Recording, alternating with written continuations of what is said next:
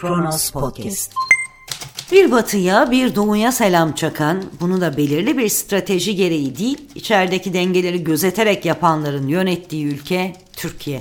21 Kasım 2020 Cumartesi tarihli yorum seçkisiyle Kronos Podcast yayınından merhaba. İlk durağımız T24. İçeride ve dışarıda görüneni özetleyen Oğuz Demiralp yaklaşan fırtınadan söz ediyor.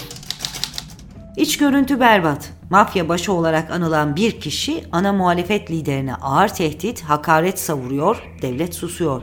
Her fırsatta kabadayı üslubuyla bağırıp çağıran yöneticiler susuyor. Üstüne üstlük iktidarın küçük orta mafya başına sahip çıkıyor. Savcıların gıkı ne kadar çıkıyor? Bu tablo devletin hukuk düzeninin çökmüş olması demektir. Kısa bir süre önce derin devlet figürlerinin yeniden ortaya çıkıp ortak poz vermiş olması rastlantı mıydı yoksa mesaj mı? Şiddet ortamına yol açabilecek gelişmelere henüz sesi çıkmayan devlet, ifade özgürlüğünü kullanan sade vatandaş İsmail Demirbaş'ı hızla içeri almasını biliyor. Bu gelişmeler tam da iktidar reformdan söz ederken oluyor. Hangi reform? Bu sözcüğü işittikçe biri benimle gırgır geçiyor duygusuna kapılıyorum. Çok gördük, yaşadık, içinden geçtik. İktidarın kafası reforme olmadıkça hiçbir reform yapamaz. Özellikle siyasal açıdan, hukuk devleti, insan hakları açısından hiçbir şey beklemeyin. Bu alanlarda reform yapabilmek için kişinin önce evrensel insan hakları ve hukuk değerlerini içselleştirmiş olması gerekir. Var mı böyle bir durum? Ekonomi alanında reform yapabilirler mi? Bizim gibi ülkelerde siyaset devlet rantının yandaşlara üleştirilmesi düzenidir. Bu düzenin değişeceğine ilişkin hiçbir işaret ya da gösterge göremiyorum. Dış görüntü berbat. Suriye'ye saplanmış durumdayız. Libya'da sonuç duvar. Orta Doğu'da bizi takan kalmadı. Olumlu ilerleyen tek bir dosya var mı? Azerbaycan'a Ruslar izin verirse asker göndermek mi son başarımız? Tezimizin haklı olduğu Doğu Akdeniz konusunda yalnızız. Kıbrıs konusundaki son çıkışlar zamansız, yersiz, dolayısıyla yanlış. Ters tepiyor. Kıbrıs gerçekçi azim ve sabır işidir. Belirsiz hedeflerin, iç politikaya ayarlı çıkışların işi değildir. Batı'dan çok tatsız sinyaller geliyor. Mike Pompeo'nun İstanbul'dan teğet geçmesi tam bir diplomatik rezalettir o gidici diyelim. Gelenin yani Biden'ın bizim yönetime duyduğu hayranlığı biliyoruz. Alman ve Fransız Dışişleri Bakanlarının Biden'a Türkiye'ye karşı birlikte hareket etmeye önermelerinin vahameti anlaşılabiliyor mu acaba? Türkiye'ye karşı ABD-AB işbirliği. Yapılması kolay değil ama düşünülebilmesi, koşulların böyle şeylerin düşünülebileceği hale gelmesi çok olumsuz bir gelişmedir. Sanki AB Türkiye ile ciddi bir hesaplaşmaya hazırlanıyor gibi. Dış politika alanında başarıdan başarıya koşarken bakıyoruz dış işlerini yürüten kurumlar değişmiş. Milli Savunma Bakanlığı MIT ön plana geçmiş. Dışişleri Bakanlığı bir sekreteryaya indirgenmiş. Son 200 yılın en önemli devlet kurumlarından birinden söz ediyoruz. Anlaşılan iktidar son 200 yılla yapmak istediği hesaplaşmayı hariciye ile yaptı bile. Bunun bedeli oluyor elbette. Kara bulutların toplandığını görüyorum. Gözlerim bozuk ondandır diye düşünüyor ve bu düşünceme inanmak istiyorum.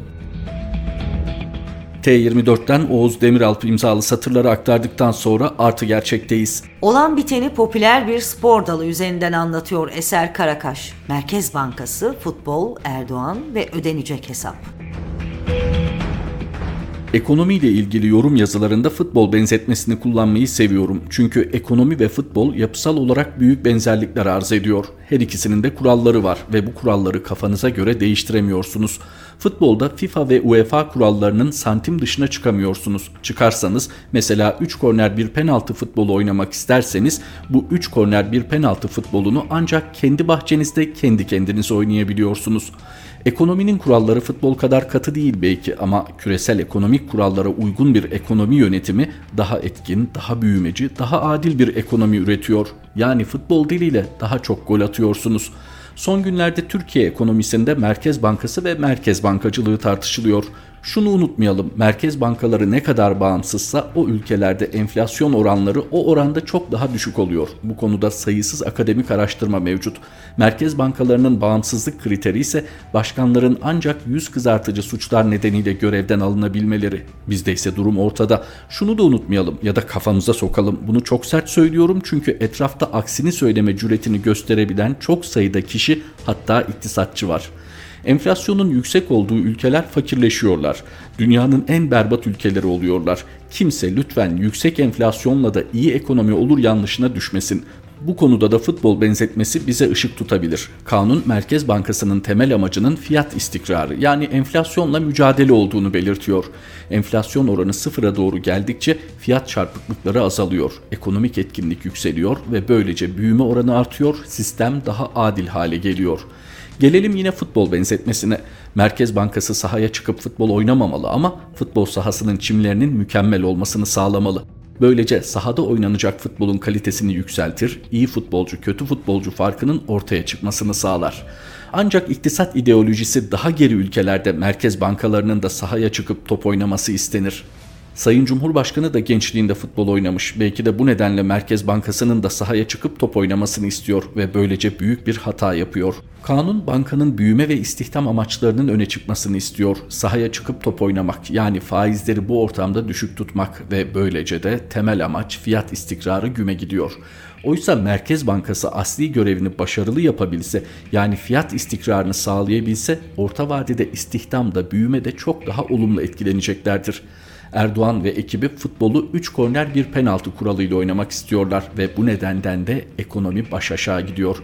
Erdoğan futbolu 2002-2010 arası gibi evrensel kurallara dayanarak oynasa sonuçlar çok daha iyi olacak. Buna kuşku yok. 3 korner bir penaltılı futbolda pardon ekonomide orta vadede istihdamda ve büyümede iyileşme beklemek abesle iştigaldir.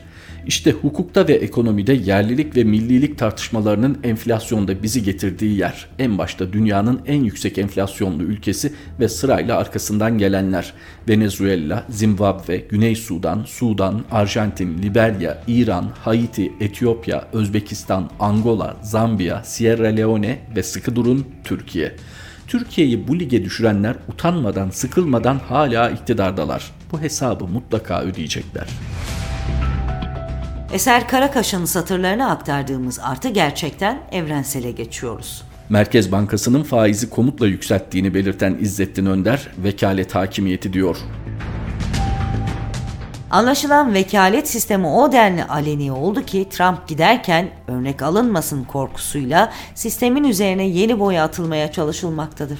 Adalet, eğitim falan gibi düşünülmeden irticalen akla gelen kurumların yeniden yapılınacağı dillendirilmektedir. Tabii saygı gereği bizler de bu duaya amin demekle yetindik. Zaten dualarda olmayacak olgular için olduramayacaklar tarafından yapılır ya. Öyle ya dile kolay koca bir 18 yıl geçmiş. Çıraklık vesaire dönemlerinde tüm görevler hakkıyla hatmedilmiş. işin sonu gözüktüğünde de bu kez de topluma beklenti şurupları içirilmeye çalışılıyor. Tek adam yönetim projesinin tutmadığının ve ülkeyi felakete sürüklediğinin en bariz göstergesi ekonomi alanı ve piyasalardır. İnsanlığa layık görülmüş ne büyük bir nimettir şu piyasa denen oluşum ki turnusol kağıdı gibi gerçek akılla olduğu zannedilen akıl arasındaki derin farkı derhal ve hiç gözünün yaşına bakmadan ortaya koyuyor ve bu muazzam ani ve şeffaf göstergesel özelliğiyle tüm otoriteyi hakla yeksan edebiliyor. Ekonomi alanında her krizde bir teori ortaya sürülebilir. Türkiye'nin yaşadığı krizde de faiz haddi ile enflasyon arasında bir teori denemesi yaşandı. Tutmayacağı belliydi ama ısrar edildi. Peki ne oldu? Israrla bastırılan yere geri dönüldü. Üstelik de Merkez Bankası'nı neredeyse eriterek. Değdi mi? Evet, servetine servet katanlara değdi.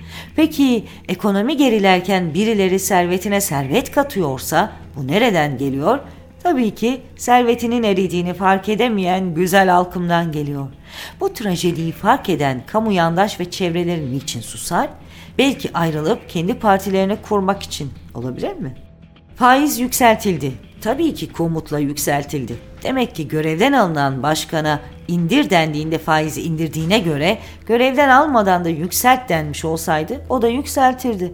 Peki insanlara ve kurumlara yazık olmuyor mu? Niçin değiştirildi? Çünkü trajediyi gözlerden uzak tutmanın bir yolu bulunmalıydı. Daima vitrini, görüntüyü ve algılamayı değiştirmek gerekiyor ki işler yürüyor hem de fevkalade objektif ve bilimsel yönetsel kurallara göre yürüyor görüntüsü oluşsun. Ne var ki piyasa ekonominin ve siyasetin işleme koşul ve durumlarını kimsenin gözünün yaşına bakmadan yansıtır. Faiz yükseltildiğinde döviz nasıl hareket etti? Sadece dalgalandı. Fazla bir değişim yaşanmadı ve bir süre sonra eski yerine dönecektir. Çünkü ortopedik yöntemlerle zorlayarak çarpık bir vücudu düzeltemezsiniz. Türkiye'de mesela artık salt ekonomiden de çıkmıştır. Ekonominin yanlış yönetimi siyaseti etkilemekten çok günümüzde ısrarla dayatılan yanlış siyaset ekonomiyi çökertmektedir. Hep aynı noktaya geliyoruz. Neşe'nin saç kepeğini kafasını keserek önledik misali gerek kapkaç burjuva gerek siyasi hırsı besleyen çakma hukuk insanlarının tek adam yönetimiyle ülkeyi getirdiği uçurumun başı işte budur. Akıllarına göre ekonominin gereklerini hızlı karar alarak yerine getirme çarpık algılamasıyla siyasi harislerin de etkisiyle kurdukları sistemde şunu algılayamadılar ki firma düzeyinde yürütülen işlerin oluşan kar ve zararların toplumsal dönüşümü paralel değildir. Çoğu zaman da terstir. Bu gidiş siyasi ifadelerle vites ya da araba değiştirmeyle çözülemez. Duruma cerrahi müdahale gerekir. Sistemin değişmesi hiç değilse kısa dönemde kadronun, zihniyetin değişmesi olmazsa olmaz koşuldur. Umalım acı reçete güzel halkımı özellikle de emekçilere olay ve siyasi kararlar üzerinde biraz zorlar. Derler ya her işte bir hayır vardır. Evrensel'den aktardık İzzettin Önder'in satırlarını. Ahval var sırada. Alaaddin Çakıcı'nın tehdit ve hakaretiyle başlamayan, daha önceye dayanan süreci özetliyor Yavuz Baydar, Kuzgun Leşi. Fark edildiği gibi bugün mafya devletin içine girmişse bu yeni bir hadise değildir. Uzun ve ağır çekim 7-8 yıllık bir çürüme sürecinin sonucudur bu. Tek adam rejimiyle kasıt mafya formatlarının ülkenin idari, hukuksal ve sosyal düzenine topyekün teşmili ise devletin mafyalaşması zaten bu tercihin Erdoğan'ın zihninde vücut bulmasıyla başlamıştı. Abraham Lincoln herkes zorluklarla yüzleşebilir ama bir kişinin gerçek karakterini sınamak istiyorsanız ona iktidar veriniz der. Şahsına iktidar verilen Erdoğan'ın gerçek karakterini anlamış bulunuyoruz. Sürekli olarak ittifak kurup gereğinde yıkan, ahlaki kaygılardan uzak, herkesi ve grubu kullanıp posasını çıkarıp atan bir lider tipi. Türkiye Devleti'nin siyasi mafya formasyonları ile ilişkisi elbette çok gerilere gider ama bugünkü devlet mafyalaşması boyut ve hacim itibarıyla yeni bir aşamadır ve tamamen Erdoğan'ın şuur kaybı dozu artan tercihlerinin sonucudur. Mafyalaşma esasen partisi içindeki çoğulcu yapıyı tasfiye etmesiyle başladı. Bu tasfiyeden kaynaklanan çürüme parti dışı bazı yapıların iktidara yanaşmasını sağladı. Devlet içi kadrolarda da sadakat bazlı atamalarla çürümenin tarlası sürüldü. Esas süreç 17-25 Aralık 2013 sonrasında başlayıp olağanüstü hal döneminde zirvesini bulan muazzam kadrolaşma ve çeteleşmenin 2019 yerel seçim sonralarında tahkim edilmiş halidir baş düşmanı olarak gördüğü Gülencileri imha etme sürecinde en büyük yardımı MHP ile eski devlet hizmetkarı çetelerden alan Erdoğan ağırlıklı olarak Gülenci ve bir kısmı da batıcı olan devlet kadrolarını özellikle kilit konumda olan yargı ve emniyet yapılarında ülkücü ve Avrasyacı kadrolarla doldurdu varlığını olağanüstü hal sürecinde bu kadroların eski tecrübelerden gelen acımasızlığına borçludur. 2016'da zirve yapan bu yeni yetki üleşimi içinde Erdoğan'a düşman olan çevreleri de barındırdığı için Erdoğan'ın en büyük hatasıdır.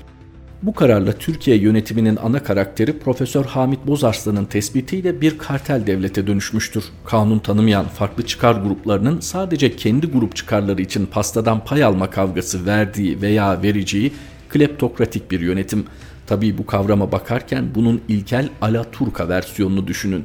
Devlet mafyalaştı deniliyorsa eğer bu sürecin geçmişini doğru görmek, bundan sonrasını okumak için şarttır. Şimdi katmanlı krizlerle ve MHP baskısıyla iyice sıkışan Erdoğan'ın önünde iki seçenek var. Ya her zaman yaptığı gibi beni kandırdılar diyerek bu müttefik safrasından kurtulmayı deneyecek ya da iradesini kısmen de olsa kurtarmak için şu anda devletin başı olan Bahçeli'yi ikna etmeye çabalayacak. Birincisi çok zor, ikincisi ise makul olmakla birlikte uzatmalara sadece zaman ekleyecektir. Erdoğan'ın can havliyle devlet içine doluşturduğu, kendisini de yemeye hazırlanan bu kadrolar oraları asla terk etmeyecektir artık. Kuzgun leşe kondu bir kere.